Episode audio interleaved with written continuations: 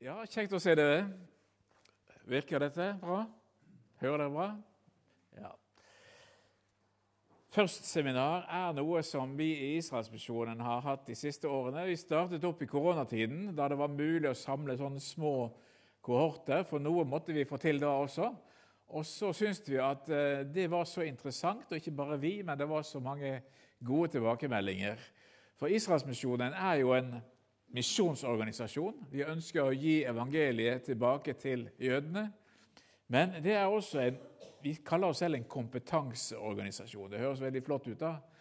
Men det vi mener med det, er at vi tror vi kan noe om jødedom og relasjonen mellom jøder og kristne, og mellom Det gamle og Det nye testamentet, som vi har jobbet mye med. Så det, det, ønsker vi å dele med dere også, litt av de tingene som vi er opptatt av i Israelsmisjonen. Og så blir ikke dette et vanlig møte, men det blir et seminar med to deler og en liten pause imellom, eh, der vi skal bli bedre kjent med Paulus. Eh, og så ser dere altså temaet, da, som kanskje virker litt vanskelig og litt Ja, det står et spørsmålstegn bak. Jeg vet ikke, Var det noen av dere reagerte når dere så dette temaet? Hva tenkte dere? Hva i all verden er det nå vi skal få høre? Ja, kanskje det. Da jeg var på et seminar her i forrige uke, så var det en som kom til meg umiddelbart. Jeg kjente han ikke. Og sa 'Du provoserer meg skikkelig med det spørsmålet', sa han. Eh, så eh, han hadde nok litt sånn eh, bange anelser for hva dette kom til å dreie seg om. Så jeg sa til han, 'Det er meningen, det.' Og så får vi se hvordan det blir etter hvert. Men, eh, men, det er jo et spørsmål som likevel indikerer noe, eller viser noe at kanskje er det noe Vi bruker det ordet kristen og tenker ikke alltid over hva det betyr, og særlig kanskje i møte med jøder. Var Paulus kristen? Da jeg satt sammen med noen av dere kjenner kanskje Olof Eitzinger, som leder Den evangeliske allianse i Sverige, jeg var sammen med han på et møte, og så fortalte jeg om han om at disse, møte, disse seminarene som vi skulle ha. Og Han stusset nok litt over spørsmålet, han også. Og så var han selvsagt var Paulus kristen. Og så møtte jeg en eh, jøde, Jesus-troende jøde som sa nei, Paulus var jo ingen kristen. Han var jo jøde. Ja, Er det noen motsetning mellom det, da? Ja, de fleste jøder vil si det. Og mange kristne, i hvert fall gjennom historien, vil også si det. Så Vi skal først prøve å få et lite grep om hvem var egentlig Paulus. Og hva var det han ønsket å formidle, og hvem var det han ønsket å møte? Så Det er noen av de spørsmålene vi skal ta opp i løpet av denne kvelden. Paulus bruker jo aldri selv det ordet kristen. Det finnes jo knapt i Det nye testamentet. Kristendom finnes overhodet ikke. Det er bare tre steder i Det nye testamentet du kan lese eller finne ordet 'kristen', eller 'kristianos' på gresk. Og Det er Peter som skriver det til de kristne i sitt brev ett sted. Og så er det to steder i apostelgjerningene. Det ene stedet er det kong Agrippa som uttaler det. Når han eh, får høre Paulus sitt vitnesbyrd, så sier kong Agrippa det mangler lite på at du overtaler meg til å bli en kristen. Og så er det altså dette ene stedet i apostelgjerningene, kapittel 11, der det fortelles om de som var fordrevet fra Jerusalem, fra menigheten. Eh, og Så kommer de tilbake igjen til Antiokia fra litt ulike deler, og der ønsker de å vitne. Og de vitner ikke bare for sine egne, de vitner også for de gresktalende. Altså ikke-jøder i hovedsak. Og så sies det eh, eh, da Det var i Antiokia altså disiplene for første gang ble kalt kristne. Det var der de begynte å bruke dette greske ordet på Jesus-troende. Tidligere hadde de brukt andre navn på dem. I Det nye testamentet så finner vi litt ulike benevnelser. De kalles bl.a. de som hører veien til, eller bare veien. Kanskje jeg husker dere det? Som en benevnelse på de Jesus-troende. Eh, det er jo litt sånn eh, litt rart navn, kanskje. Men kanskje var det knyttet til at Jesus selv sa at han var veien, veien til Gud. Og Hvem var det han sa det til? Jo, det var til sine disipler, altså til jøder. Det er jeg som er veien, den jødiske veien til Faderen.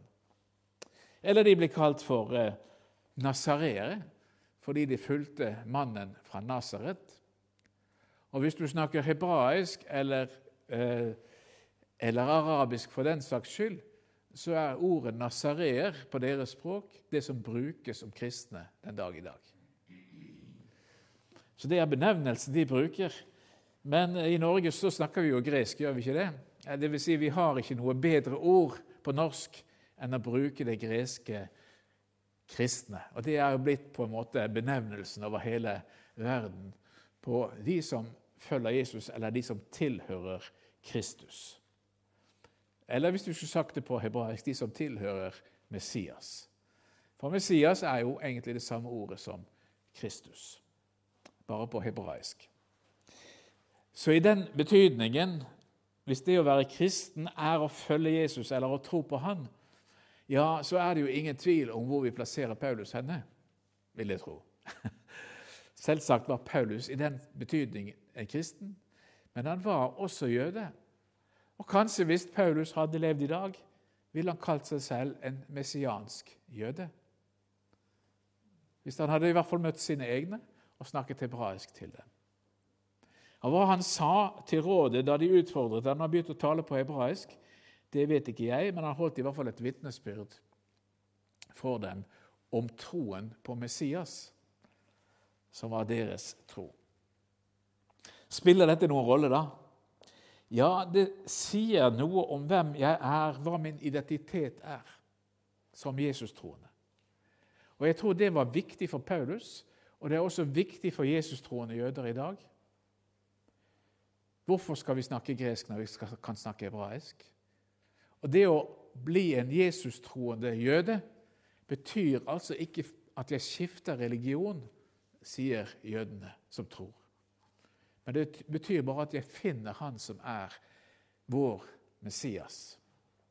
Og Det er slik også Paulus skal vi se etter hvert fremstiller det, både i møte med sitt eget folk og i møte med andre. Hva i all verden er det som er så unaturlig for meg som jøde å tro på Jesus? følge han, det skulle jo være det mest naturlige av alt hvis han er Israels Messias. Men det kommer vi litt tilbake igjen til etter hvert. Men så er det jo noe som da sier Vel, vi kan historien om Jesus. Vi, kan, vi kjenner evangelistenes fremstilling av, den, av Jesu liv og hans forkynnelse. Men Paulus er liksom litt annerledes. Han tar det et skritt videre, sier noen. For han formulerer på en måte troen på en litt annen måte. Han er ikke bare en historieforteller, men han er en teolog. Og Det kan vi jo være enig i. Men så er det noen som har sagt ja, men Paulus han, han forlater på en måte sin jødiske fortid. Og så gjør han den kristne tro, troen gresk, eller han setter den inn i en helt ny sammenheng og gir den en ny betydning. Og Dermed så oppstår det en ny religion, vil noen si, kristendom, som er atskilt fra jødedommen. Jeg tror ikke det er slik. Jeg tror ikke Paulus kommer med en ny lære. Tvert imot. Han begrunner alltid sin forkynnelse og sin undervisning i det han har lært og hørt av mesteren selv. I den åpenbaring han selv har fått. Og Riktignok velger han litt andre innfallsvinkler og litt andre ord når han møter ikke-jøder. Men slik er det vel med oss alle, at vi tilpasser budskapet vårt til de vi taler til. Og det har også jeg valgt å gjøre. For nå taler jeg til dere som kan litt om disse tingene her, og litt om Bibelen, håper jeg. Og hvis dere faller av, så bare gi beskjed. Og så kan vi gjøre det sånn at jeg har, som dere skjønner, ikke noe sånn fast manus. Så Det betyr at hvis dere kommer på et spørsmål underveis, eller noe dere har lyst til å utfylle eller si eller kommentere, noe dere syns er utydelig, så bare gi beskjed om det, eller grip ordet. Jeg blir ikke forstyrret av det. Kan vi bli enige om det? Ellers blir det sikkert mulighet til, til spørsmål etter hvert. Er det noen som har spørsmål så langt? Nei.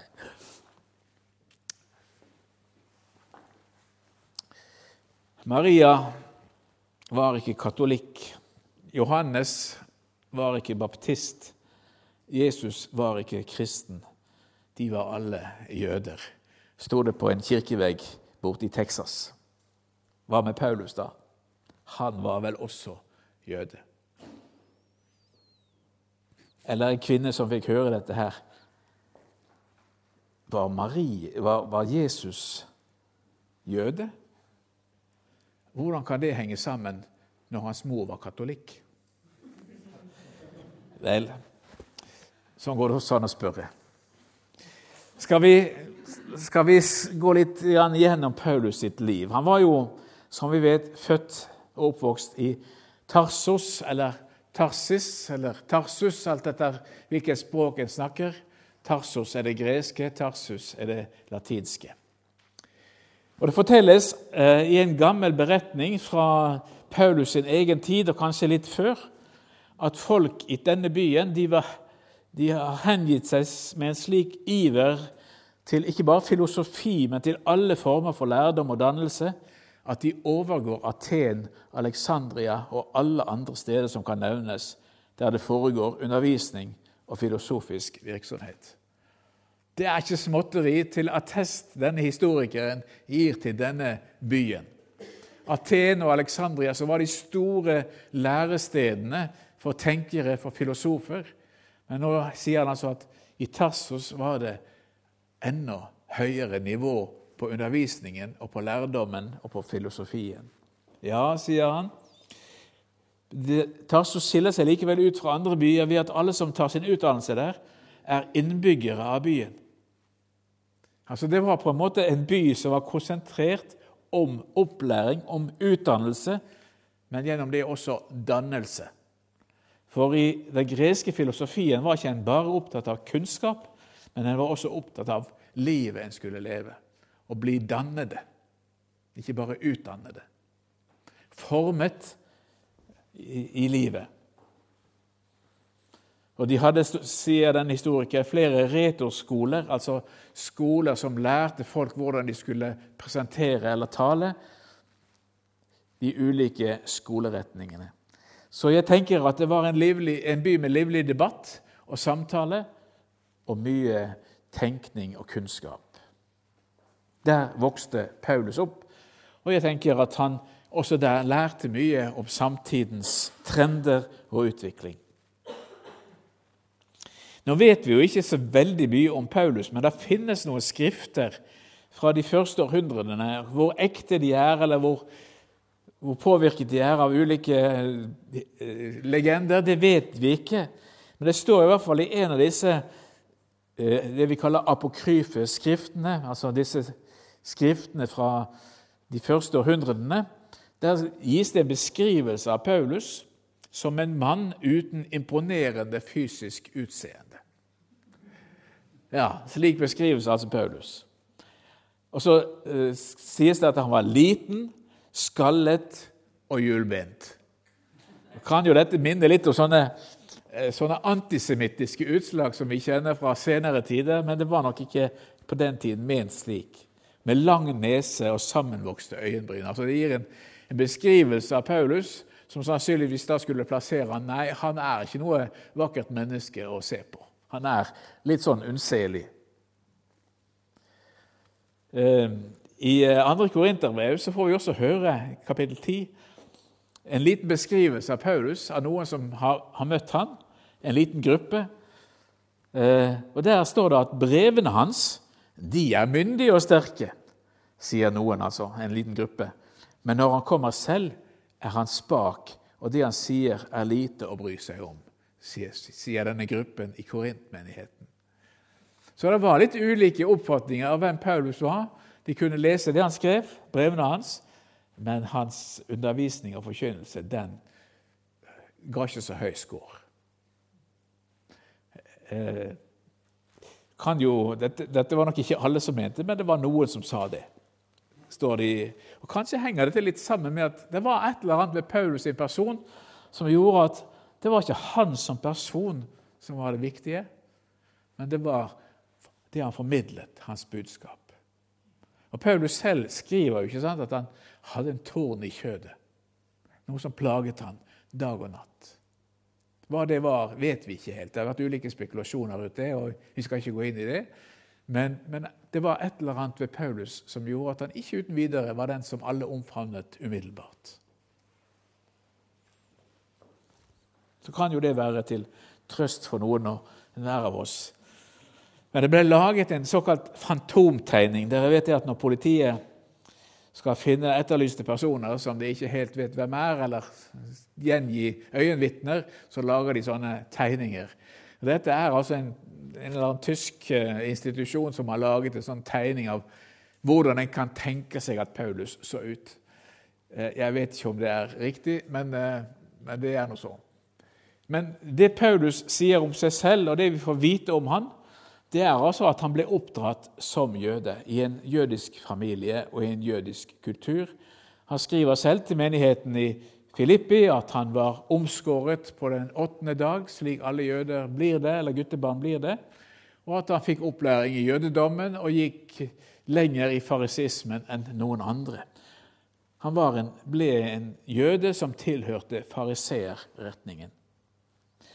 Og som oppvokst i eh, Tarsos så snakket han også gresk, men som jøde snakket han også hebraisk, og sikkert også arameisk. Men i hvert fall er det disse to språkene vi møter Paulus i i ulike sammenhenger, bl.a. når han kommer til Jerusalem og blir forhørt for Det høye råd.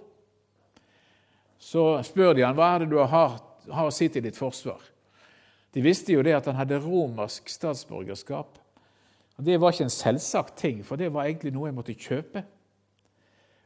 Og det kostet mye penger. og Derfor tror vi også at Paulus kom fra en relativt velstående familie. Eh, han, var jo lenge, han var jo, reiste jo nokså fort til Jerusalem også for å studere loven ved Gamaliels føtter, som, eh, som vi skal komme tilbake til, som forteller noe om at de hadde midler som gjorde at han kunne dra av sted. Og Så vet vi også at han hadde sitt eget yrke som teltmaker, eh, eller arbeidet med lær og skinn. Eh, men når han kommer altså fra Det høye rådet i Jerusalem, så spør de han ut, og de forventer at han skal svare på gresk. Men så begynner han å tale til dem på hebraisk. Og da blir de forundret over denne mannen som taler og kan forsvare seg på hebraisk. Lærte du noe nytt av Paulus nå? Nei, ja, noe kanskje. Og så får vi se. Dette er jo ikke det viktigste. Men jøden Paulus hvem var han da? Jo, som vi altså hørte, han dro til Jerusalem, der han eh, studerte Skriftene og loven. Eh, og der han satt ved Gamaliels føtter. Og Gamaliel han var ikke hvem som helst. Han var en av de eldste i det jødiske råd og hadde stor respekt. Hans barnebarn ble leder av eh, det som utviklet seg som som dagens jødedom på mange måter bygger på. Han het også Gamaliel. Han var den som ledet rabbinerne utenfor Jerusalem når de måtte flykte og begynne å skrive ned alle lovene og reglene som fariseerne hadde i javne. Så rabbi Gamaliel han kan du lese om i jødiske skrifter. Som en av de store jødiske rabbinere eh, Vi kaller det rabbinere eller lærere på, i den første kristne tid, eller i den første tiden med Jesu apostler. En lovlærer som hele folket satte høyt, står det i apostelgjerningen kapittel 5. Og da Peter og Johannes blir anklaget for å ha helbredet, for å ha helbredet denne mannen utenfor tempelporten, ja, så er det altså Gamalie som står opp og tar de i forsvar. Og som sier Vær nå litt forsiktige, da. Det kan hende at dette budskapet kan provosere, men hvis dette er av Gud, så kan ikke vi hindre det. Og det vil vise seg om dette er av Gud. Så Gamaliel han var på en måte, selv om han altså var en skriftlærd og satt i Det høye råd, han var forsiktig med å angripe andre jøder. For kanskje var deres budskap eh, av Gud og ikke bare av mennesker. Og Når Paulus altså får denne opplæringen, så blir også han en sånn Gamaliel-disippel som folket kjenner til. Eh, og Paulus sier selv i sin forsvarstale at alle, alle, jøder kjenner mitt liv. Han var altså ingen anonym person, men han var en som alle jøder kjente til. Og hvorfor, det kan vi selvfølgelig stusse over. Det var sannsynligvis fordi han hadde fått denne opplæringen, men det var sannsynligvis også av en annen grunn, nemlig hans sterke endring i livet. Hans omvendelse. Han som altså hadde forfulgt de Jesus-troende ble en etterfølger av Jesus. Paulus skriver i Filipperbrevet kapittel 3, når han gir sitt, eh, sitt vitnesbyrd Jeg var en lovlydig fariseer, sier han. Jeg var uklanderlig i min rettferdighet etter loven. Ingen kunne sette fingeren på noe i mitt liv som viste at jeg ikke fulgte de jødiske forskriftene, slik fariseerne eh, påla oss det. Jeg vet ikke hva dere tenker når dere hører ordet fariseer. Veldig mange sier at fariseerne var hyklerne. De trodde de var bedre enn andre, men deres liv stemte ikke overens med det de lærte. Det kan nok hende, men da er vi alle hyklere. For det er ikke sikkert at livet alltid stemmer overens med det vi lærer. Fariseerne var veldig nøye med å leve slik de lærte. Og slik var de et forbilde for mange. Og Jeg tror ikke det er tilfeldig at det nettopp er med fariseere Jesus også har de sterkeste og tøffeste samtalene. Fordi han vet at fariseerne står han nær. De tar ordet og åpenbaringen på alvor, i motsetning til kanskje sadukeerne og ikke minst presteskapet, som også den gangen tilhørte sadukeerne og var mest opptatt av å sørge for at de fikk inntekter nok til å vedlikeholde tempelet.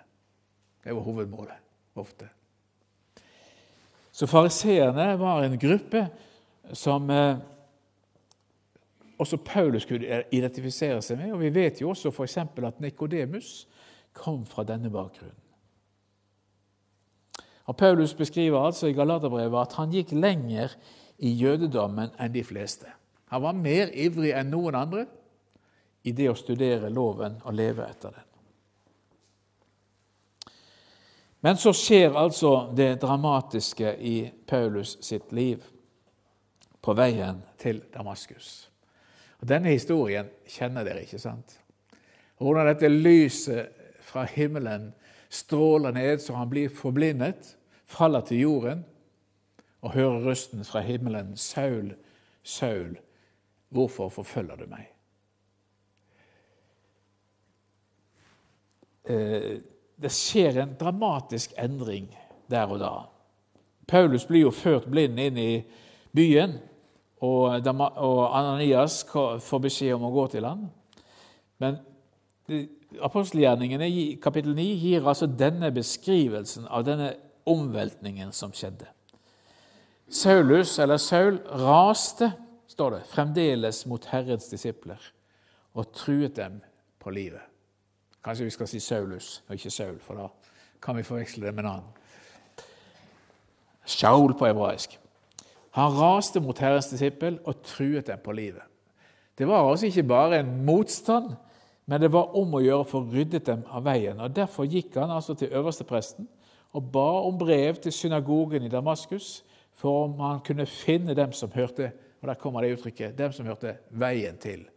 Altså Han bruker ikke ordet de kristne, men de som hørte veien til. Både menn og kvinner.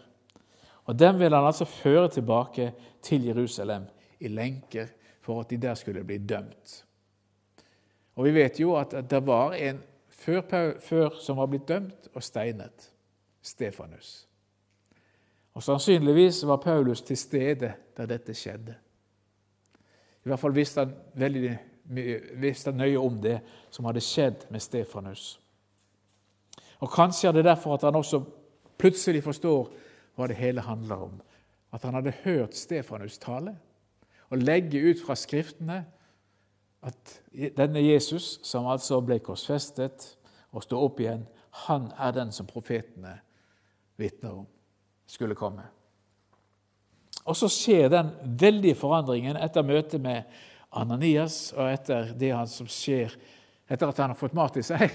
Og Så går han inn i Damaskus. og Der går han ikke altså med håndjernene for å fengsle eller for å føre dem i lenker, men han tok straks til å forkynne Jesus i synagogen. står det. Han var altså kommet med et budskap i utgangspunktet som skulle rive ned deres tro og fengsle dem. Men i stedet starter han umiddelbart å forkynne Jesus i synagogen. Det må ha vært en dramatisk endring og opplevelse. Og Kanskje hadde hun rett, hun som minnet meg på det på forrige seminar, at jo, det var sikkert noe fra Stefanus' tale som hadde slått ned i han. Jeg vet ikke. Og Det han sier altså om denne Jesus, det er at han er Guds sønn. Han er ikke hvem som helst, han er Guds sønn. Og da blir de forundret. Er ikke dette han som Jerusalem ville utrydde oss alle, alle vi som påkaller dette navnet? Kom han ikke hit for å føre dem i lenker? Så kan vi spørre denne omvendelsen. Hva var det Paulus vendte seg bort fra, og hva var det han vendte seg til? Jo, han vendte seg til Jesus, som den som altså var oppfyllelsen av Skriftene. Men forlot han sitt folk? Forlot han sin jødedom? Startet han en ny religion? Eller var det slik at han plutselig fikk nytt lys over hva det virkelig ville si å være jøde? Det er en del Jesus-troende jøder i dag som går med T-skjorter der de sier 'Jesus gjorde meg til en virkelig jøde'. Real Jew. Før visste jeg at jeg var jøde, fordi jeg kunne vise til mine foreldre. Og kanskje også til en praksis. Men nå vet jeg det fordi jeg har oppdaget hvem som er Israels Messias. Og Det gir en ny dimensjon til det å være jøde. Mange Jesus-troende jøder blir ofte mer jødiske etter at de kommer til tro på Jesus, enn de var før. Nettopp fordi de oppdager hvem Jesus er. Og jeg tenker også at Paulus blir ikke mindre jøde etter Damaskus-opplevelsen. Tvert imot. Han oppdaget på nytt hva det ville si virkelig å være jøde. Han vendte seg ikke bort fra jødedommen. Riktignok fikk han et nytt syn på alle fariseernes regler og bud og sier jo mange ganger, og det er kanskje hans viktigste budskap, at det finnes ingen rettferdighet ved våre gjerninger eller gjennom loven. Bare ved troen på Jesus Kristus. Det er Paulus sitt evangelium i et nøtteskall. Det er bare ved troen på Jesus vi oppnår Guds rettferdighet. Ikke på noen annen måte. Og Det gjentar han i alle brevene sine. Det er hans hovedbudskap. Og Det var på en måte også noe nytt. Fordi en tenkte jo som så at vel, min rolle og min oppgave som jøde, som religiøs jøde, det er å forsøke å leve så godt og rett som jeg kan. Og slik tenker jo ortodokse eller religiøse jøder i dag også.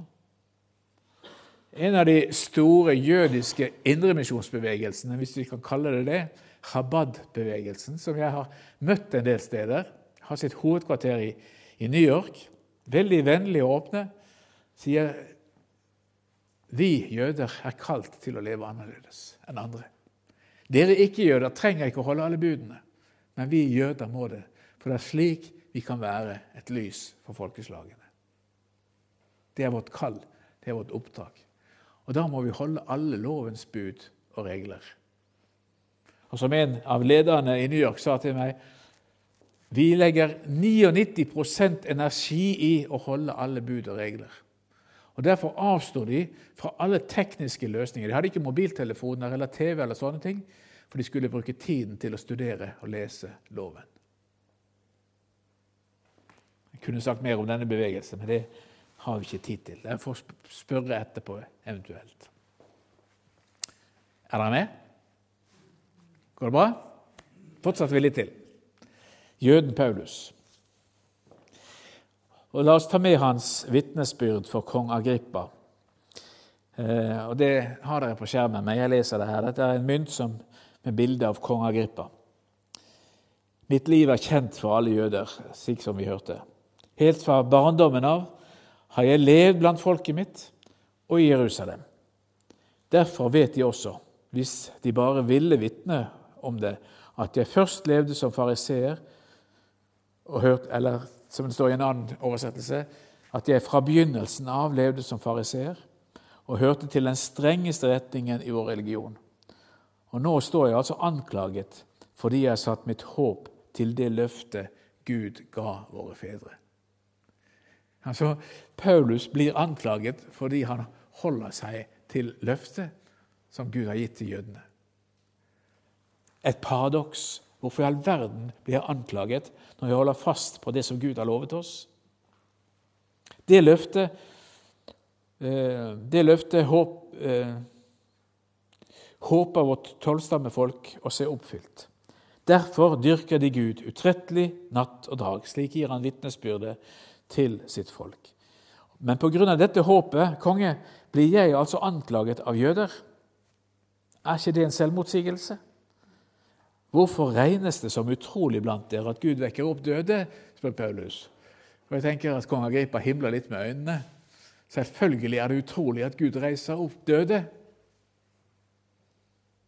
Eller er det ikke det? Ja, For fariseerne var ikke det utrolig. For de regnet med de dødes oppstandelse. Om ikke sånn fysisk her og nå, men i hvert fall når tiden var inne. Det var jo det som skilte dem først og fremst fra sadukeerne.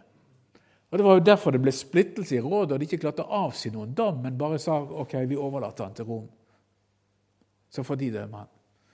Skal det også sies at Jødene hadde ingen myndighet på det tidspunktet til å avsi noen dødsdom, selv om altså Stefanus ble steinet.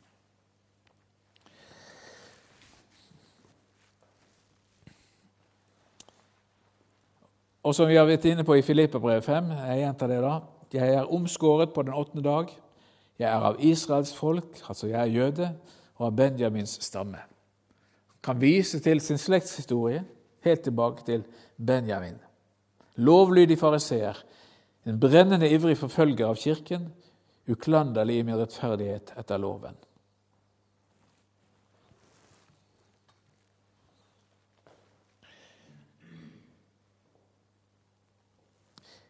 Og så ser vi altså hvordan Paulus i rådet med sitt vitnesbyrd nettopp skaper denne splittelsen mellom fariseere og sadukeere. Noen av de skriftlærde fra fariseerpartiet reiste seg og protesterte når de får høre eh, sadukeernes eh, innvending mot Paulus, at de vil ha han dømt. Vi finner ikke noe galt hos denne mannen, sier de. Altså, Det er fariseere som levde etter den fariseiske tro fortsatt, som forsvarer Paulus som fariseer. Vi finner ikke noe galt hos denne mannen. Tenk om det var en ånd eller en engel som talte til ham, sier jeg.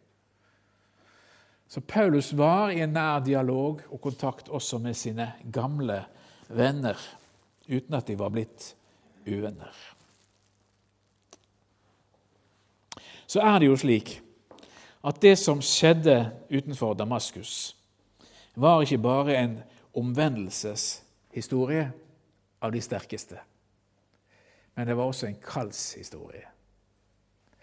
For da Ananias kommer og skal møte Paulus Vi kaller han Paulus, selv om han ikke hadde fått det navnet, eller brukt det navnet da, Saulus. Så, eh, så får Ananias beskjed om hva han skal si til Paulus. Og Det er det som vi kaller kallsoppdraget, eller oppdraget Paulus får.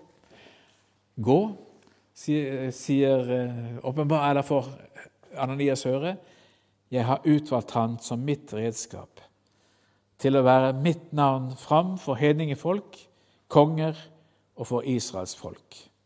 Og jeg skal vise ham alt han må lide for mitt navns skyld. Jeg vet ikke hva du hører når du hører sånn, et sånt oppdrag. Men for meg klinger det et ord fra Det gamle testamentet. Et ord talt til Israel, der Israel kalles for Guds tjener. Vi anvender ofte det ordet som et ord om, og en profeti om Jesus. Jesaja 49, 6. Men der får altså Israel som folk kollektivt et oppdrag fordi de er Guds utvalgte folk. Om å være et lys for folkeslagene, så Guds frelse kan nå til jordets ende. Det er altså kallet og oppdraget som Israel kollektivt får, å være et lys for folkeslagene men også å gjenreise Jakob og føre de bortførte av Israel tilbake. Det er et dobbelt oppdrag, og det innebærer selvfølgelig også et oppdrag overfor øvrigheten. Det er på en måte Israels utvelgelse og oppdrag Paulus nå får i oppgave å videreføre. Og nå er dette oppdraget altså knyttet til Jesus Messias. Det er han og hans frelse Israel skal forkynne, og dermed også Paulus. Og Derfor ligger det i dette oppdraget et tredelt kall. Paulus skal altså sendes ut til hedningefolkene, til kongene og til Israels folk. Og Så kan du selvfølgelig spørre ja, men det skjedde jo ikke. Eller? For Paulus og Peter inngikk jo en avtale om hvem som skulle gå til jødene, og hvem som skulle gå til folkeslagene. Og Paulus ble hedningenes apostel. Vel, før vi kommer inn på det, så ser vi altså at Paulus han bruker god tid før han går inn i oppdraget. Han skriver i Galaterbrevet at han dro til, først til Arabia og dernest en tur tilbake til Damaskus, og han var tre år borte.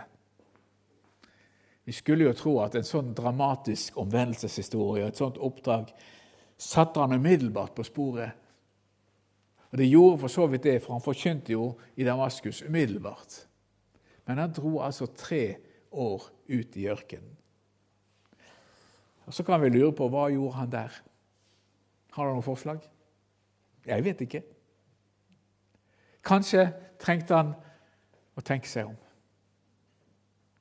Kanskje han trengte en, en pause, en retreat eller en karanteneperiode. Jeg har jo vært blant de største forfølgerne. Hvordan kan jeg nå formidle budskapet? Jeg vet ikke.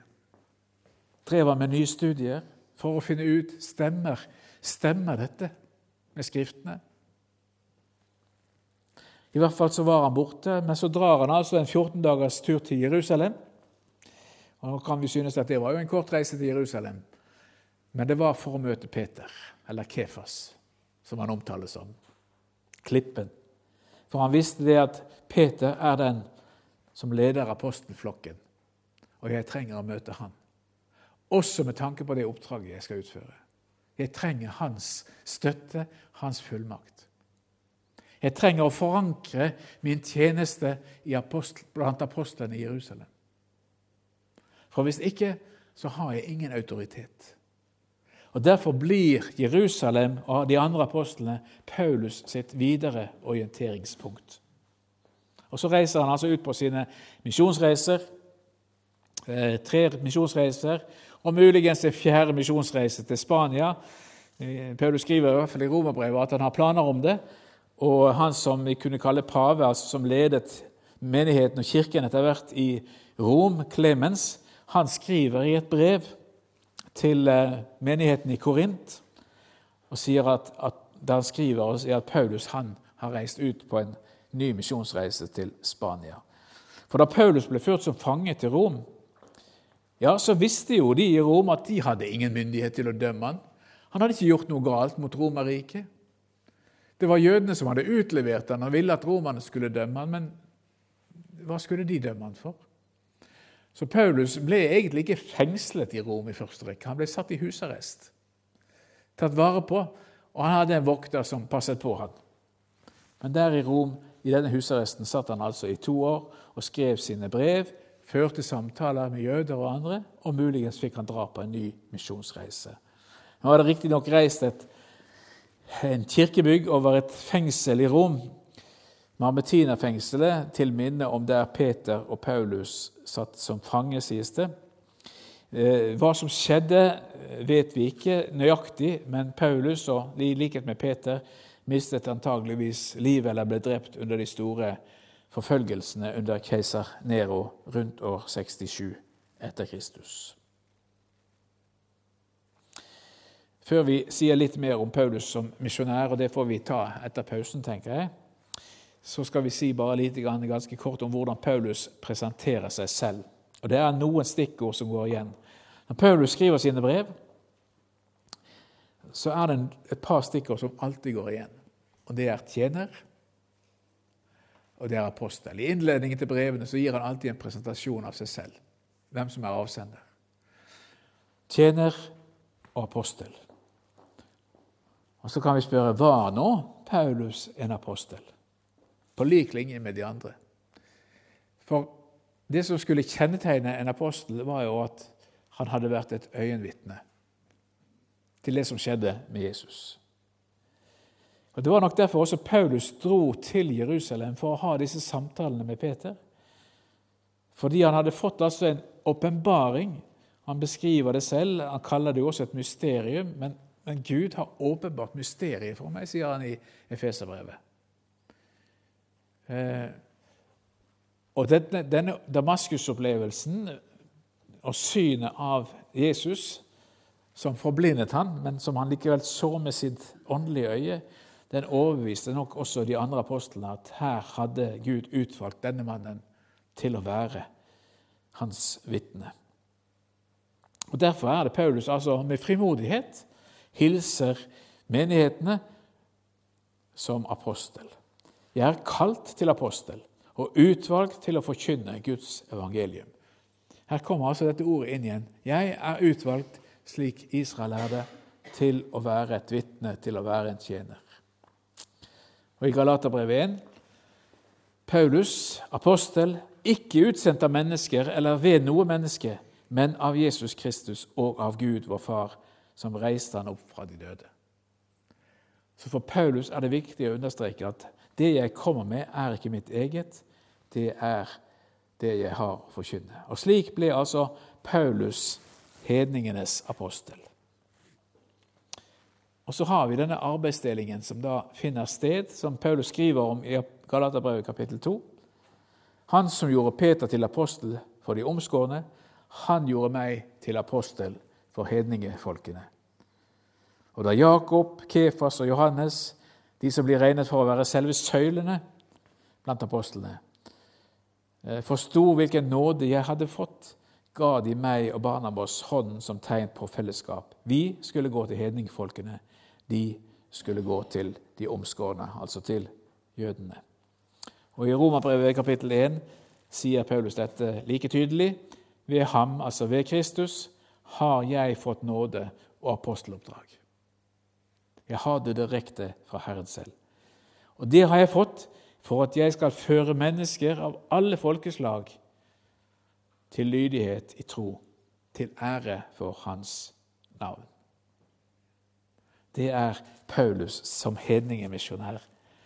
Om vi kunne tatt med lignende sitat fra, eh, fra Efeserbrevet og fra Romerbrevet litt lenger ute på slutten, der, Gud, eh, der Paulus skriver jeg gjør det jeg gjør det ved den nåde Gud har gitt meg, altså min tjeneste, til å være Jesu Kristi tjener blant folkeslagene. Min prestetjeneste er å forkynne evangeliet, så folkeslagene blir et offer Gud gjerne tar imot, innviet ved Den hellige ånd. Og Derfor kan han i Kristus Jesus være stolt av sin tjeneste. Men her igjen bruker han altså dette begrepet som, som gjaldt det jødiske folk kollektivt, å være ha en prestetjeneste, være Guds presteskap, for å formidle Guds ord. Paulus har altså oppdaget hva det virkelig ville si å være jøde, og, eh, og skjønner at dette budskapet ikke bare gjelder oss jøder, men det gjelder folkeslagene. Det er mitt kall. Og slik sitter altså du og jeg her i Granli kirke fordi Paulus var lydig mot dette kallet. Jeg tror vi kan føre linjene tilbake til Paulus og takke han for at han var lydig. At han tok imot dette kalde oppdraget. For det skulle nå ut til alle folkeslag. Det var han overbevist om. Og så ble det jo et spørsmål i disippelflokken. Ja, men skal, skal, jøder, skal, skal disse folkeslagene da bli jøder? For det er jo for oss jøder det er, dette budskapet. Og så ble de enige om at nei, det trenger vi ikke. For det er ved Guds ånd at vi kommer inn i dette fellesskapet, inn i dette folket. Og så Paulus skriver i Feserbrevet 2 det er ved Kristi blod at vi er forsonet med jødene. Det er i forsoningen i Kristus at vi, to, vi også er blitt gjort til ett med dem og har fått del i alle løftene, i paktene.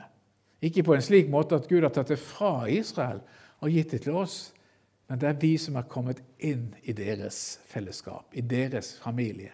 Vi er blitt de helliges medborgere. Og Da tror jeg vi stanser der, og så kan vi si litt mer etterpå om Paulus sitt forhold til jødene. Ikke bare som jøde, men hvordan han forholder seg som hedningenes apostel også til jødene. Blir dere med på det? Ja. Da blir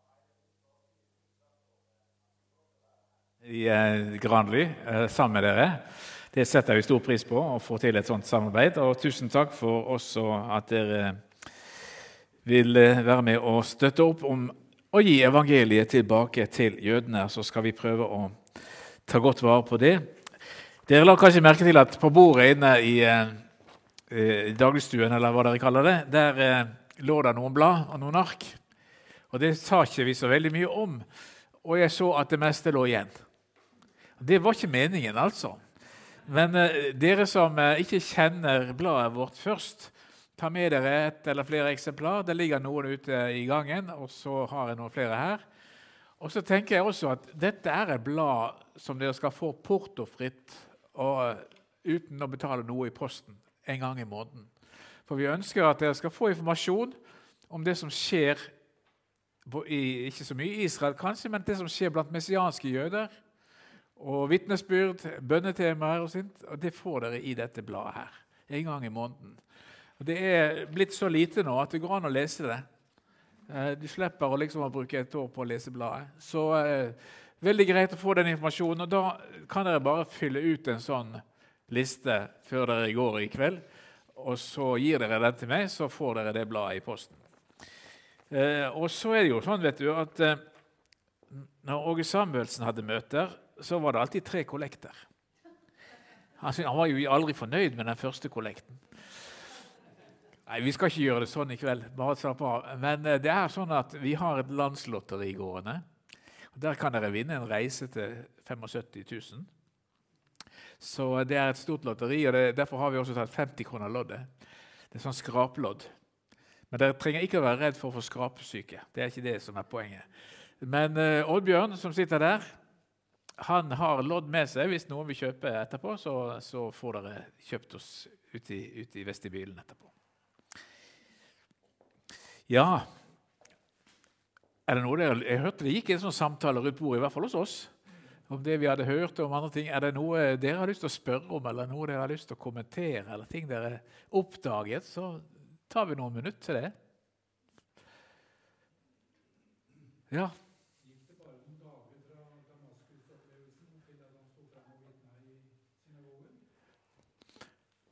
Ja, det står i hvert fall at han straks dro dit og forkynte evangeliet om, Guds, om Jesus som Guds sønn. Eh, det står ikke noen nærmere tidsangivelse. Men han ble altså fullstendig forandret. Ja. Tenk på det, det kallet han får, og så står det at det, det skal gå veldig greit for deg når du bare setter i gang. ja. Nei. Ja.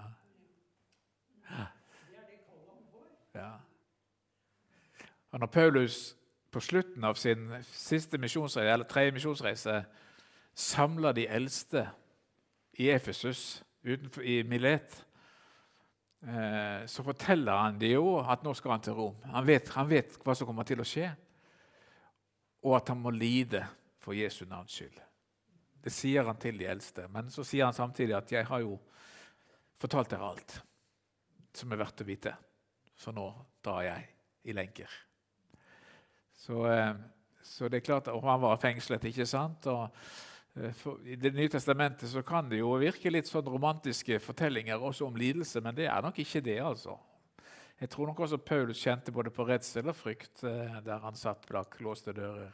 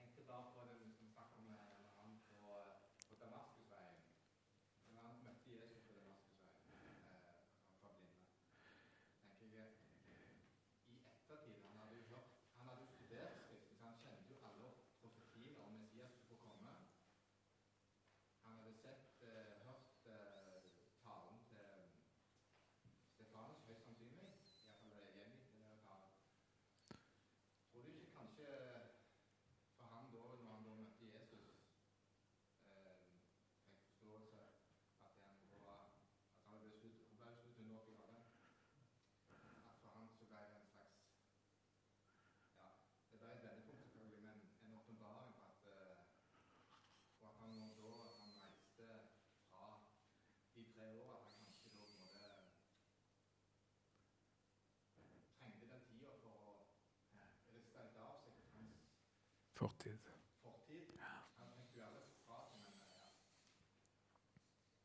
Jo, det kan godt hende, det.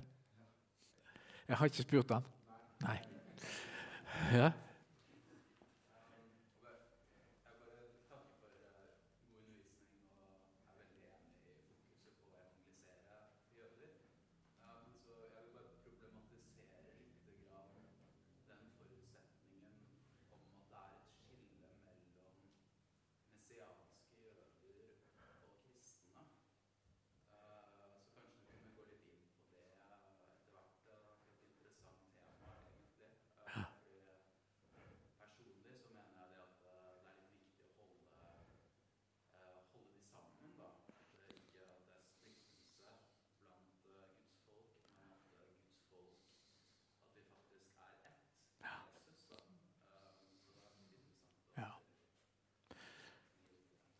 Jeg hadde tenkt å komme litt inn på det, men jeg, jeg har lyst til å svare på det sånn umiddelbart likevel. fordi Hvis vi ser f.eks. i Efeserbrevet 2, så taler Paulus om 'vi og dere' når han snakker til Efesermenigheten. Så han opprettholder på en måte et skille mellom jøder og ikke-jøder som jeg tror er viktig å fastholde. Samtidig så sier han altså at i Kristus er vi forsonet, eller Gud forsonet de to brakte de sammen. Altså Det betyr jo at i Kristus så er vi ett. Men ikke på en sånn måte at jøder må bli som oss, men at vi er på en måte blitt en del av gudsfolket. Eh, blitt de helliges medborgere, eh, bruker han jo som et, som et bilde. Så, så, denne enheten i Kristus er viktig å fastholde. Eh, problemet er jo at gjennom Kirkens historie så har vi opprettholdt et, et, skille på en sånn måte at jøder må slutte å være jøder. De må bli som oss. Og så er det en fare vil jeg si også blant en del messianske jøder til å bli litt sånn sekteriske og si at vi vil ikke ha noe med de andre kristne å gjøre, for de bare forstyrrer oss. Har, vi har sånn ond historie. Men jeg er helt enig med deg i at enheten i Kristus er eh, det avgjørende. Og jøder, det finnes, som Avi Snyder sier, Israel er kollektivt utvalgt av Gud.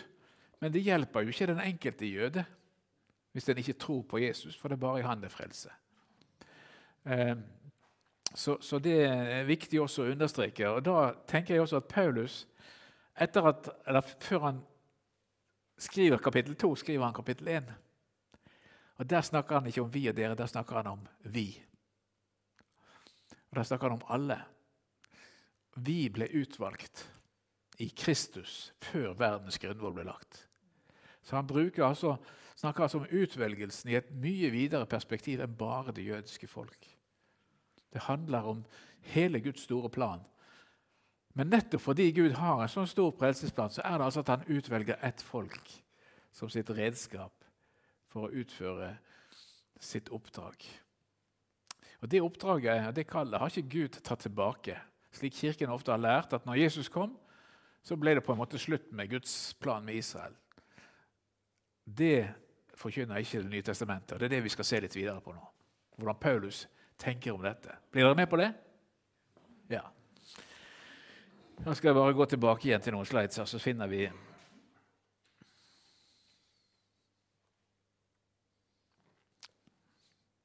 Jeg har lyst til å starte med Romerbrevet 11. Fordi det er et nokså sånn direkte utslag, ut, utsagn. Eh, vi ser jo gjerne at Romerbrevet kapittel 9, 10 og 11 handler om Guds plan med Israel. Og Det er for så vidt riktig. Men de tre kapitlene handler like mye om oss ikke-jøder, og hvordan vi skal tenke og forholde oss til det jødiske folk. Og Paulus skriver jo ikke primært romerbrevet til jøder, men han skriver det til sånne som oss som ikke er jøder, for å fortelle oss hva som er Guds plan med Israel og det jødiske folk, og hvordan vi skal forholde oss til det. Vel, selvfølgelig var det også jøder og Jesus-troende jøder i menigheten i Rom, det vet vi. Men, eh, men primært er Paulus altså i sine brev hedningenes apostel. Men overfor hedningene forteller han også hvordan vi skal tenke og tro om Guds store plan og Guds utvalgte folk. Og Derfor stiller Paulus dette spørsmålet har Gud forkastet sitt folk. Og Sitt folk i denne sammenhengen det er det jødiske folk, benevnt som Israel. Bare som en liten parentes. Når vi heter Israelsmisjonen, så har ikke det primært noe med en moderne stat å gjøre. For Vårt navn det fikk vi 100 år før staten Israel ble opprettet. Det handler om det jødiske folk. Det er hedersnavnet på det jødiske folk. Etter Jakob, som ble kalt Israel. Så Paulus taler altså om Israel, det jødiske folk. Har Gud forkastet sitt folk? Og Paulus svarer umiddelbart slett ikke. Og I det ligger jo altså at det er en forskjell på jøder og ikke-jøder, også i Guds menighet. Det er det vi kunne kalle det partikulære. altså De er på en måte hver for seg, samtidig som de er en del av et, at, at vi er en del av et fellesskap. Og så viser altså Paulus til seg selv sin egen historie. 'Jeg er jo en israelitt av Abrahams ett og Benjamins stamme.' Gud har ikke forkastet sitt folk. For hvis Gud hadde forkastet sitt folk, så hadde jeg vært forkastet. Men det er jeg ikke. Ja, men sier du kanskje ja, men uh, dette gjelder jo bare de Jesus-troende jødene. Nei. Gud har ikke forkastet sitt folk. Vel, det er noen jøder som har forkastet Gud. Men det er jo ikke noe nytt. De danset rundt gullkalven. De dyrket Bal og profetene. Men gang på gang står det i Det gamle testamentet også at det er en rest igjen i Guds folk. Og slik taler også Paulus. Det er en rest igjen, slik det var på Elias sin tid, ikke, da de ikke bøyde kne for Baal. Og Det er på en måte for Paulus en bekreftelse på at Gud ikke har forkastet sitt folk. Han viser til seg selv. Selv om altså vi forkaster Gud, har ikke Gud forkastet oss. For Gud vedkjente seg dem. Han, han kan ikke svikte egne sin egen utvelgelse, sier Paulus. Og Israel ble jo ikke utvalgt fordi Israel hadde spesielle kvaliteter. Tvert imot. Det er det minste av alle folk. Det var fordi Gud elsket dere og ville holde pakten han hadde sluttet med Abraham. Derfor valgte Gud ut Israel. Og fordi han altså hadde en plan om frelse også for folkeslagene. Men så sier jo Paulus samtidig da, altså, det vitnesbyrdet må jeg jo gi dem. Og nå snakker han sikkert om sine gamle partifeller. De brenner for Guds sak. Han visste jo hvem han selv hadde vært, men uten virkelig å kjenne ham. Og Det er jo den store sorgen. ikke sant? De kjenner ikke Guds rettferdighet, men vil bygge opp sin egen rettferdighet. Derfor har de ikke bøyd seg under rettferdigheten fra Gud. Og Denne rettferdigheten den begynner jo Paulus med å skrive om i romerbrevet, i det som er hans program. At evangeliet er Guds kraft til frelse. Av tro til tro. for i det åpenbares Guds rettferdighet.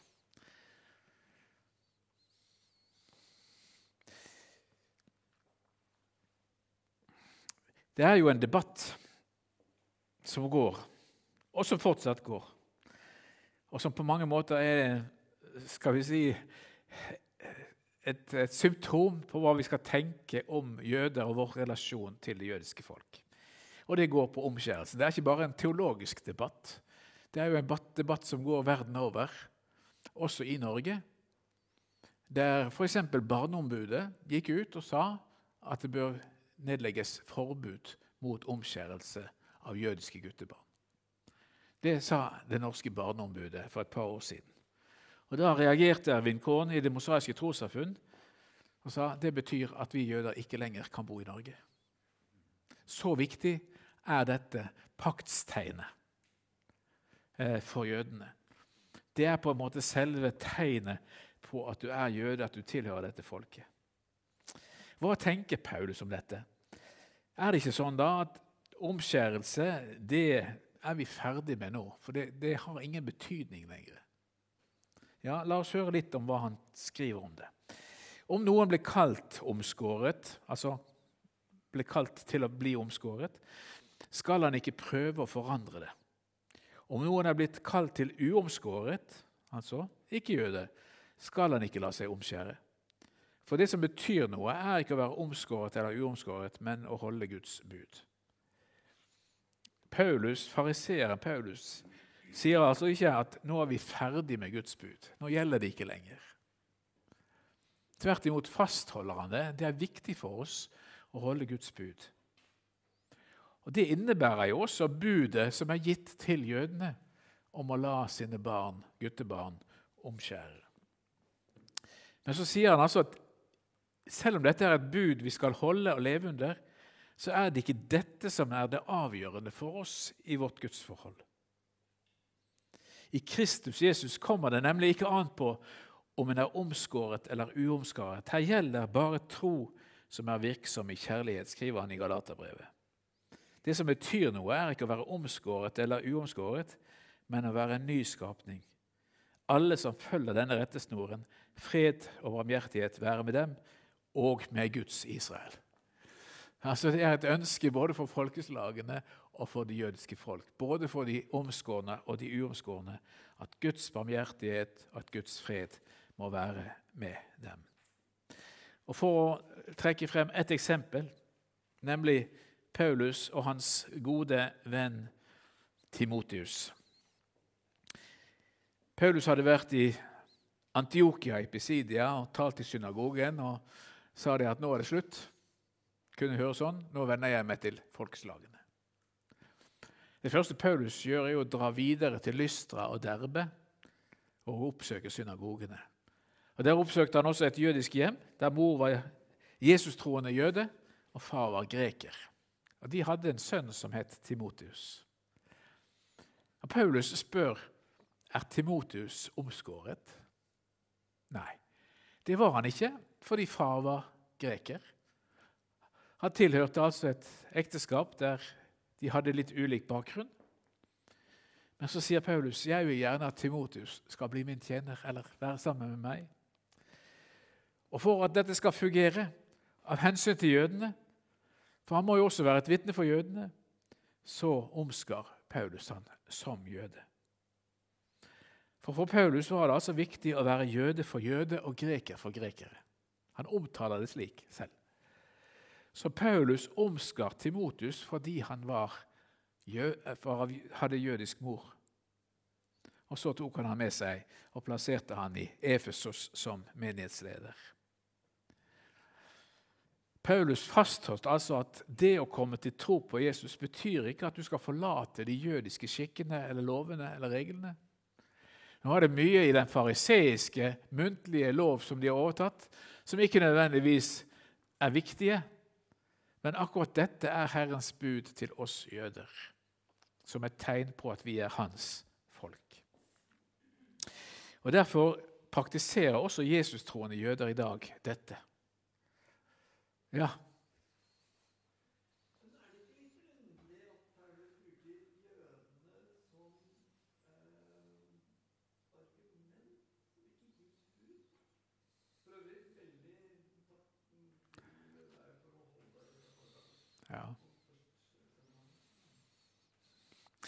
Jeg tenker vi må, vi må se litt sammenhengen. Hvem er det Paulus skriver til her? Han skriver altså til ikke-jøder, eh, som kanskje tenker som så at vel, disse tingene her, de gjelder jo skal ikke gjelde jøder som kommer til tro. Altså Galatermenigheten besto av ikke-jøder i hovedsak. Og Derfor skriver han kanskje sånn, tenker jeg, da, eh, at eh, her må vi på den ene siden ikke legge vekten på dette skillet, men vi må ta imot alle, uansett hvilken, hvilke forhold de har til dette med omskjærelse.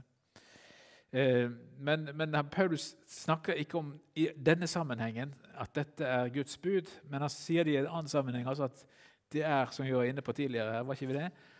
om å holde Guds bud. Og dette er jo et av de. Eh, det som betyr noe. Eh, eh, første Korinterbrev skriver han det. da. Det som betyr noe, er ikke å være omskåret eller uomskåret, men å holde Guds bud. Jeg, og dette med omskjærelse oppfatter jeg da som et av Guds bud. Vi tenker jo at Guds bud er de ti bud. Sånn tenker en jo ikke i en jødisk sammenheng. Der er det 613 bud. Ja?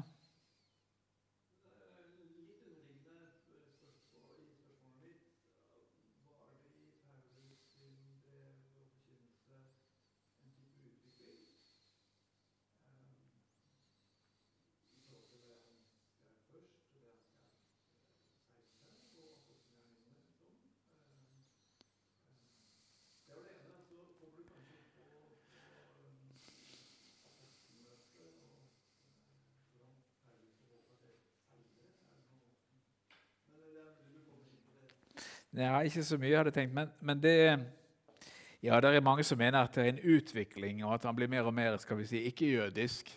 Uh, og det er klart, Særlig Galaterbrevet kan det ligge sånne ansatser til det vi ville si er erstatningsteologi.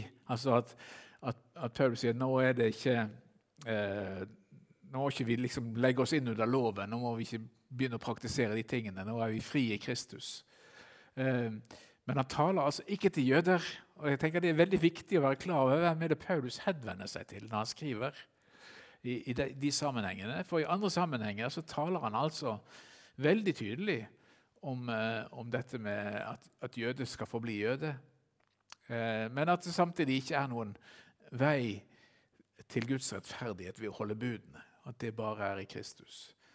Eh, og, Galaterbrevet er skrevet inn i sin sammenheng. Romerbrevet er jo mer, mer, skal vi si, en samling av Paulus sin lære. Det, jeg kaller Romerbrevet for Paulus sin dogmatikk. Eh, der hovedtemaet er altså rettferdiggjørelse ved tro. Eh, jeg ser ikke uten videre at det er noen utvikling her, men at, at han kan formulere seg litt ulikt. Jeg hadde et slides her som jeg hoppet over da, om dette med erstatning. Jeg var Paulus' erstatningsteolog, fordi det kan ligge noen ansatser. Altså at Kirken, i betydningen folkeslagene, har erstattet Israel som Guds folk. Men ser vi dette i lys av rombrevet, så er det klinkende klart at sånn tenker ikke Paulus. Ja.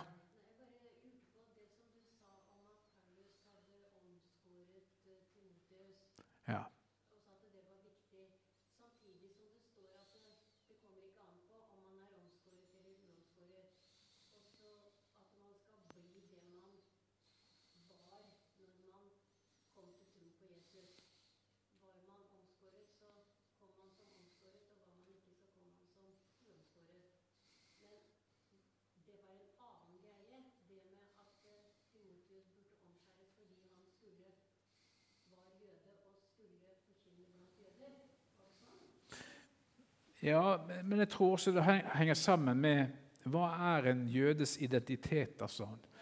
Eh, jo, det å være jøde betyr at du tilhører paktsfolket, og paktsfolket har dette budet. Eh, jeg skal ikke si at eh, eller pålegger alle jøder å la sine guttebarn omskjære, men de gjør det jo. Du kan si at De fleste gjør det ut ifra en tradisjon. Men, men, dette er noe av det viktigste av det som skjer.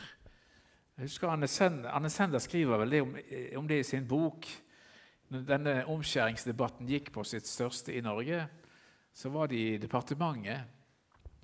Eh, og så eh, sa hun at dette her er så viktig for oss. Så sier vedkommende i departementet at ja, men hvis dette er så viktig, hvorfor kan du ikke bare dra hjem, da? Hjem, sier Anne. Det er jo Norge som er mitt hjem. Da tenkte han selvfølgelig at hvorfor kan du ikke bare dra til Israel? Der er det tillatt. Så det er liksom ja, det er den problemstillingen mange jøder lever med. og eh, Det er kanskje vanskelig for oss å forstå, men dette sitter så dypt i deres identitet. Så det er ikke bare pragmatiske grunner at han liksom skal vise at han også kan være blant jøder, men det er en del av den jødiske identitet. Sånn tolker jeg i hvert fall Paulus.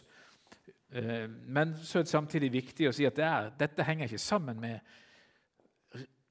nødvendigvis gudsrelasjonen, altså at du er rettferdiggjort, eh, at du har fått tilgivelse for dine syndere, blitt en del av, Guds, av Jesu folk.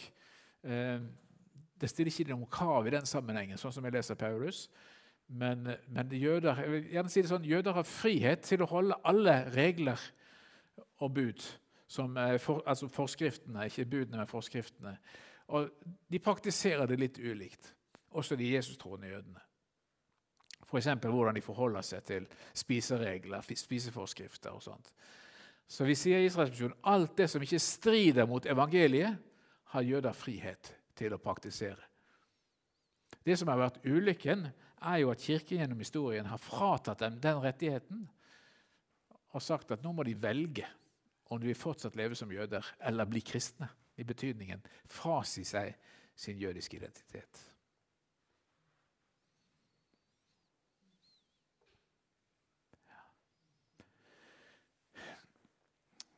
Hvordan skal vi forholde oss til det jødiske folk? Jo, jeg tenker vi må forholde oss til det jødiske folk. Ja, jeg, jeg tok med dette fra Paulus og Timotius. da. Eh, jeg kan lese det. Kom da, han kom til Derbe og Lystra. Det var en sippel som het Timotius. Han var sønn av en troende jødisk kvinne, og faren var greker. Søsknene i Lystra og Ikonium hadde bare godt å si om ham. Paulus ønsket å ha ham med seg på reisen, og han omska ham av hensyn til jødene som bodde i disse traktene. Når Paulus skal ut og forkynne evangeliet for folkeslagene, som er hans oppdrag, hva gjør han da? Han går inn i synagogen. Det er rart. Er det ikke? Hvorfor gjør han det? Han kommer til Tessalonika, reiser gjennom landskapene i Hellas, hvor han altså kommet over til den andre siden. Eh, og Der var det en jødisk synagoge, og dette er bildet fra dagens synagoge i. Tessalonika. Paulus gikk dit som han pleide. Han gikk alltid til synagogen. Tre sabbater på rad hadde han samtaler med dem ut fra Skriftene. Hadde han glemt at han var hedningenes apostel?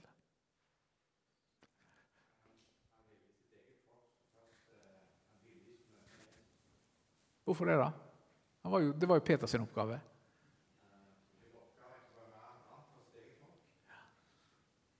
Men var det viktig?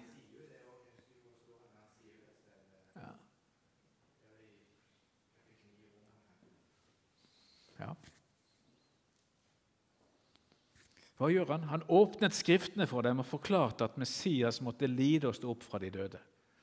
Veldig kort budskap. Det er jo en enkel trosbekjennelse, egentlig. ikke sant? Men dette er essensen. Denne Messias, sa han, det er Jesus. Han som jeg forkynner for dere. Noen av dem ble overbevist, og andre eh, avviste det. Og Noen av dem som ble overbevist, det var også grekere som dyrket Gud. Og en god del av dem de fremste kvinnene. Kjekt å ta med det også. Vi glemmer jo ofte kvinnene i denne sammenheng. ikke sant? Men det forteller jo også at når Paulus kommer til synagogen, så møter han ikke bare jøder, men han møter det som ofte i apostelgjerningen kalles de gudfryktige altså ikke-jøder, som var tiltrukket av den jødiske tro. Og Vi har mange vitnesbyrd også fra jødiske historikere på at jødene drev en aktiv misjonsvirksomhet på denne tiden. Altså at de inviterte og ønsket ikke-jøder velkommen inn i sitt fellesskap. Og de ble regnet som en del av synagogens fellesskap. Så jeg tenker Paulus er en stor strateg.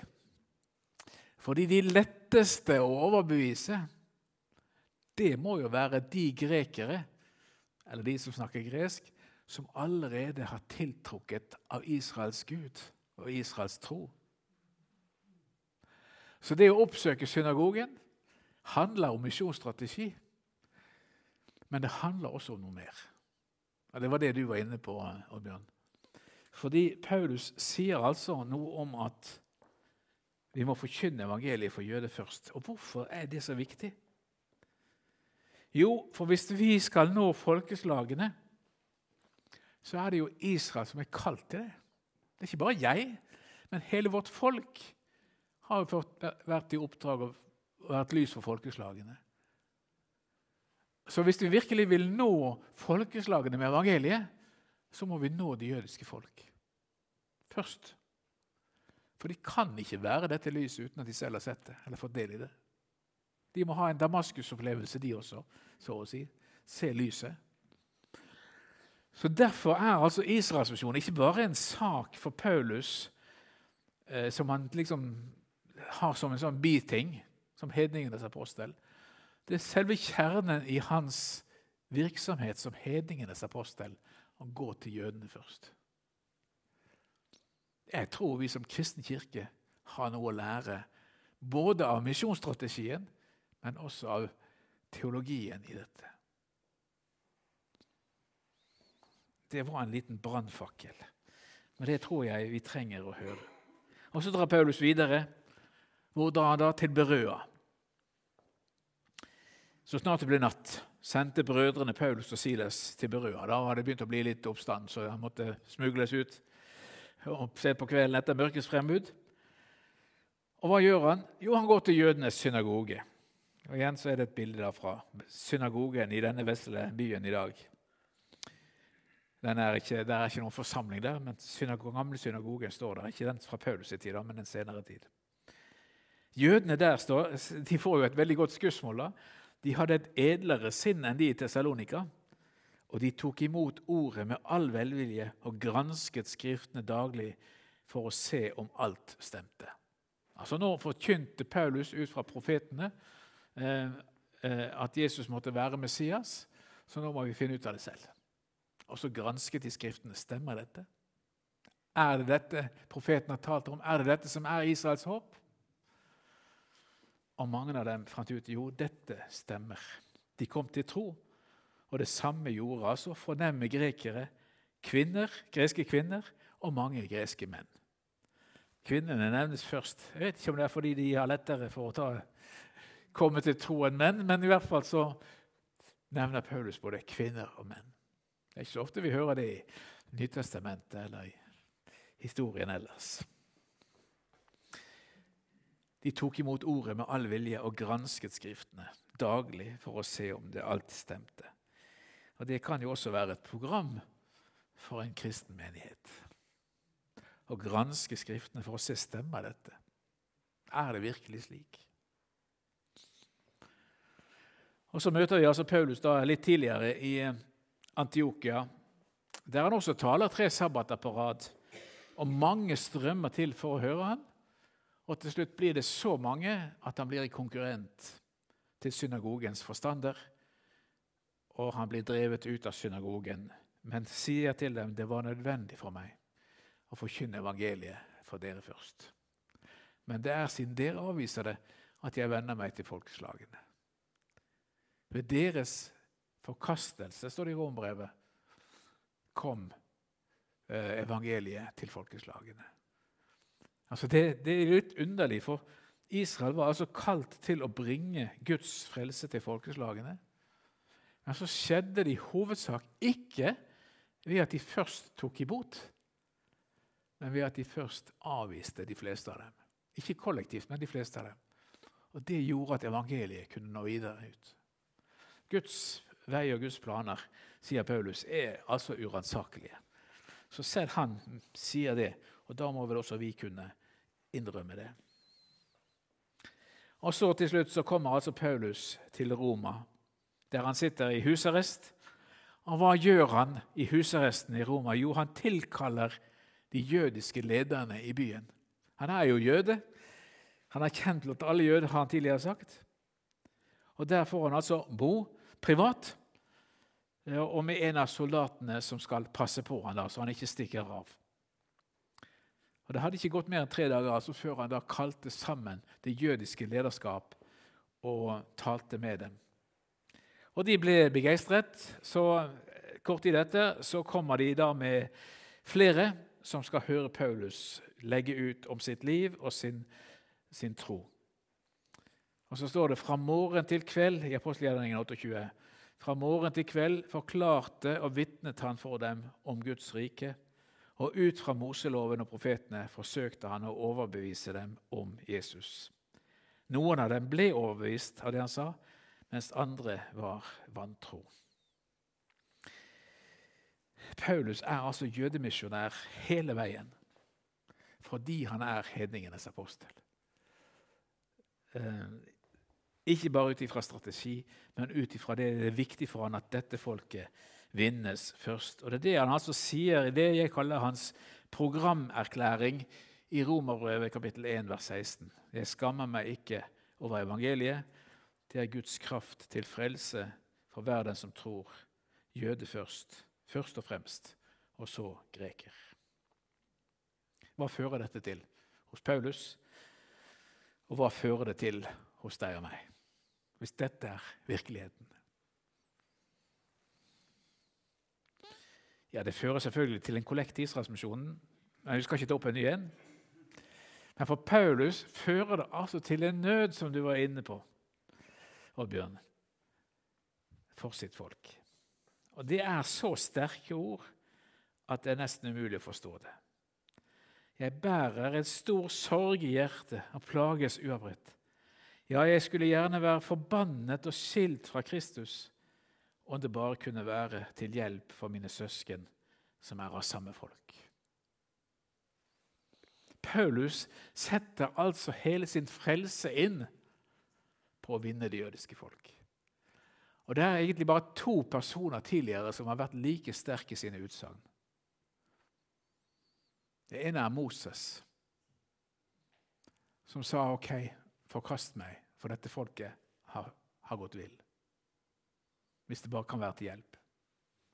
Og den andre er Jesus selv, som ble forkastet, men som sto opp igjen av graven. Og som ble redningen både for det jødiske folk og for deg og meg. Derfor sier han av mitt hjertes ønske og min bønn til Gud for dem, det er at de må bli frelst. Det er Paulus sitt fokus. Verken mer eller mindre. Han kunne selvfølgelig talt mye om den romerske okkupasjonen, om tusenårsriket, eller hva det måtte være. Og Kanskje sier han noe om det også i noen av brevene, men hans hovedfokus er at det jødiske folk skal bli frelst. Og det må vi ikke glemme, vi som i dag er Jesu menighet og Paulus sine disipler.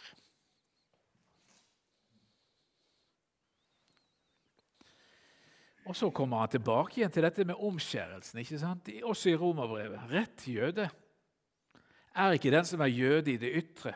Og rett omskjærelse skjer ikke i det ytre på kroppen, Altså Han avviser ikke omskjærelsen, men det er noe, en annen type omskjærelse som er viktigere. Det er et annet paktstegn som er viktigere enn omskjærelsen, også for det jødiske folk. Og det er hjertets indre omskjærelse. Det som ikke skjer gjennom loven eller bokstavene, men det som skjer ved ånden, den nye fødsel. Og I Granli så sier vi at det er dåpen som er den nye paktens tegn. Og det sier jeg også, selv om det kanskje her er personer fra andre trossamfunn enn det lutherske.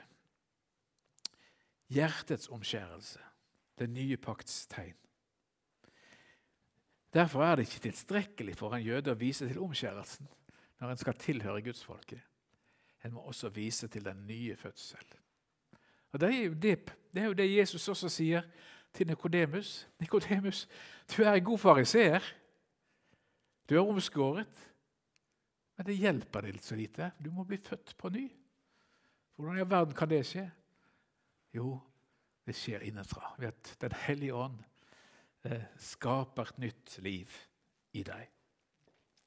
Og Derfor kan altså denne jødiske kvinnen si Jesus made me kosher. Jesus gjorde meg ren.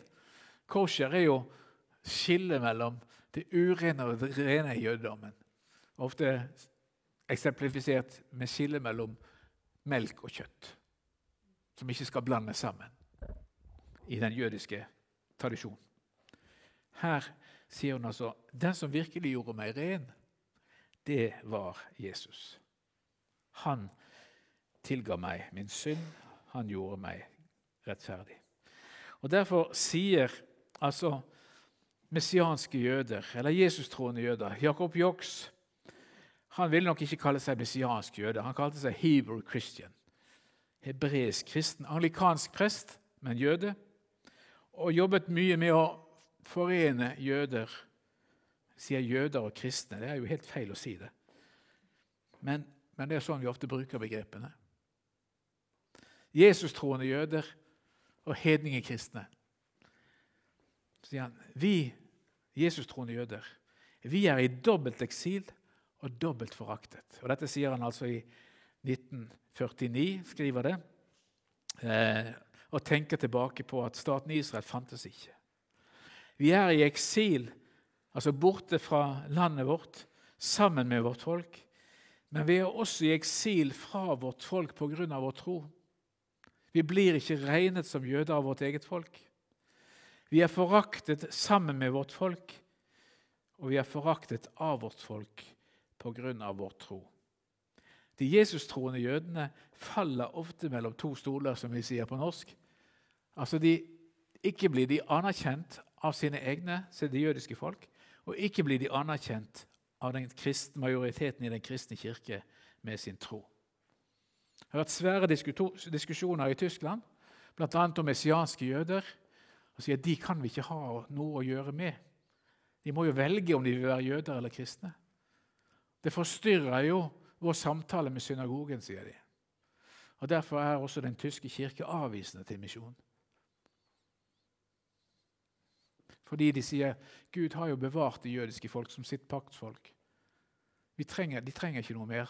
De, de er bevart ved Sinai-pakten. Og Det å drive misjon blant jøder det er egentlig å stille spørsmålstegn ved Guds troskap mot sine egne løfter og sin pakt. Hvordan de får det til å stemme med Paulus, det vet ikke jeg. Richard Harvey, som er en av de lærde messianske jøder i dag, professor, han sier det er ikke vår feil at foreldrene våre ble skilt, og at det oppsto kristendom og jødedom, som vi gjerne kaller det. Men det er vi Jesus-troende jøder som er fanget midt imellom. Det er vi som må bære konsekvensene av det skillet som fant sted. At Kirken ble forsamlingen av ikke-jøder i veldig stor grad. I hvert fall avviste jødiske, sitt jødiske opphav. Vi er fanget midt imellom. Så er det altså slik da, som vi var inne på, og derfor skal jeg gå fort, på, fort eh, mot avslutning, som jeg svarte på i sted, fra Efeserbrevet 2. Det er altså et skille her. Og husk, sier Paulus og Nå kan vi lese dette som et brev til oss i Tønsberg, eller her på Granli, eller hvor det måtte være. Husk på hvem dere en gang var.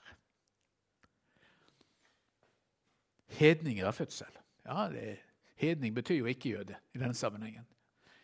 Kalt uomskårne av den som kalles omskårne. De som er omskåret på kroppen. Det var altså et forskjell mellom jøder og folkeslag. I Bibelen finnes det altså bare to folk. Det er jøder og ikke-jøder. Selv om jeg som bergenser sier at jeg har noe til felles med det jødiske folk, jeg tilhører et utvalgt folk. Nå kan det også sies at vi har noe mer til felles. For vi vet at i det jødiske parlamentet, eller Israels parlament i dag så finnes det en bråte med små partier. Og det finnes det visstnok i Bergen også. Og de klarer ikke helt å bli enige.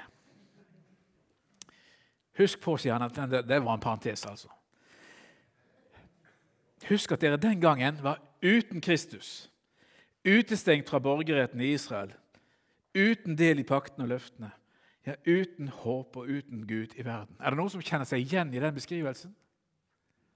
Men det er faktisk ditt og mitt utgangspunkt. Og så snur Paulus og sier 'men nå'. Altså Det har skjedd et skifte. Og hvor skjedde det skiftet? Jo, det skjedde i Kristus Jesus og i hans forsoning.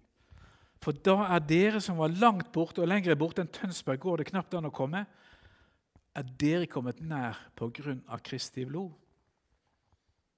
Han er vår fred vår shalom. Han gjorde de to, jøder og ikke-jøder, til ett. Rev ned muren som skilte fiendskapet. Og Konsekvensen av dette er altså at vi har fått adgang til Far i én ånd. Vi er ikke lenger fremmede utlendinger. Nei, vi er de helliges medborgere og Guds familie. Dette kaller vi et utvidet gudsfolk. Vi har fått del i det. Vi har ikke overtatt det, men vi har fått del i det.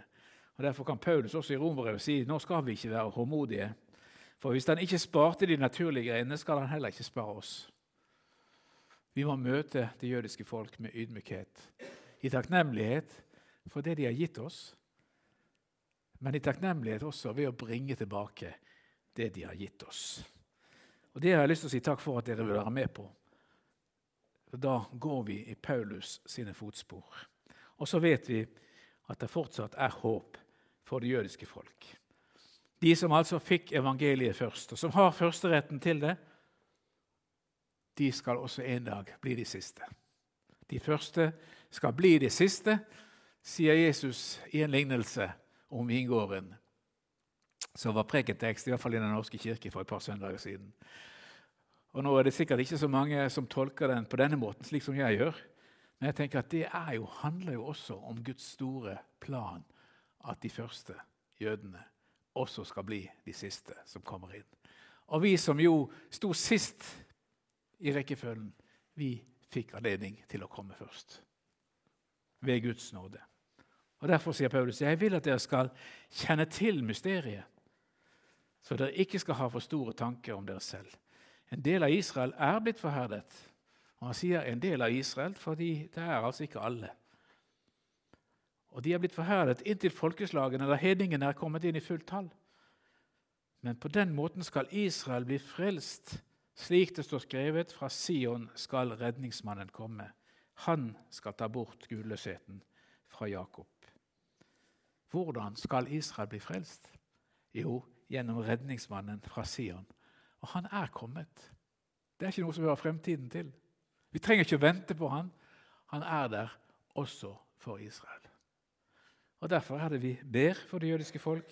Derfor er det vi vitner for dem. Derfor er det vi viser omsorg for dem. Skal vi be sammen? Gode Gud, himmelske Far, vi takker deg for dette vitnesbyrdet. Takker deg for det håp som du har gitt både til oss og til Israel. Takk for at vi får være en del av ditt folk. Og Vi ber her også for det jødiske folk denne kvelden at du må kalle dem til tro. At de må få se deg, Jesus, som den du er, Israels Messias, Israels håp, Israels fremtid. Herre, velsigne menigheten her på Granli og alle menighetene her i Tønsberg.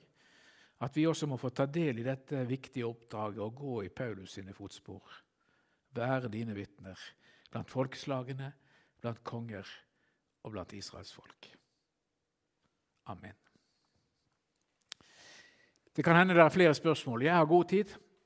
Eh, men husk da å eh, ta med dere dette bladet før dere går, og fyll gjerne ut et sånt skjema. Det er egentlig bare navnet som skal skrives her, og adressen. Og den husker dere utenat, regner jeg med. Og så er det også mulig å kjøpe lodd hvis dere vil det.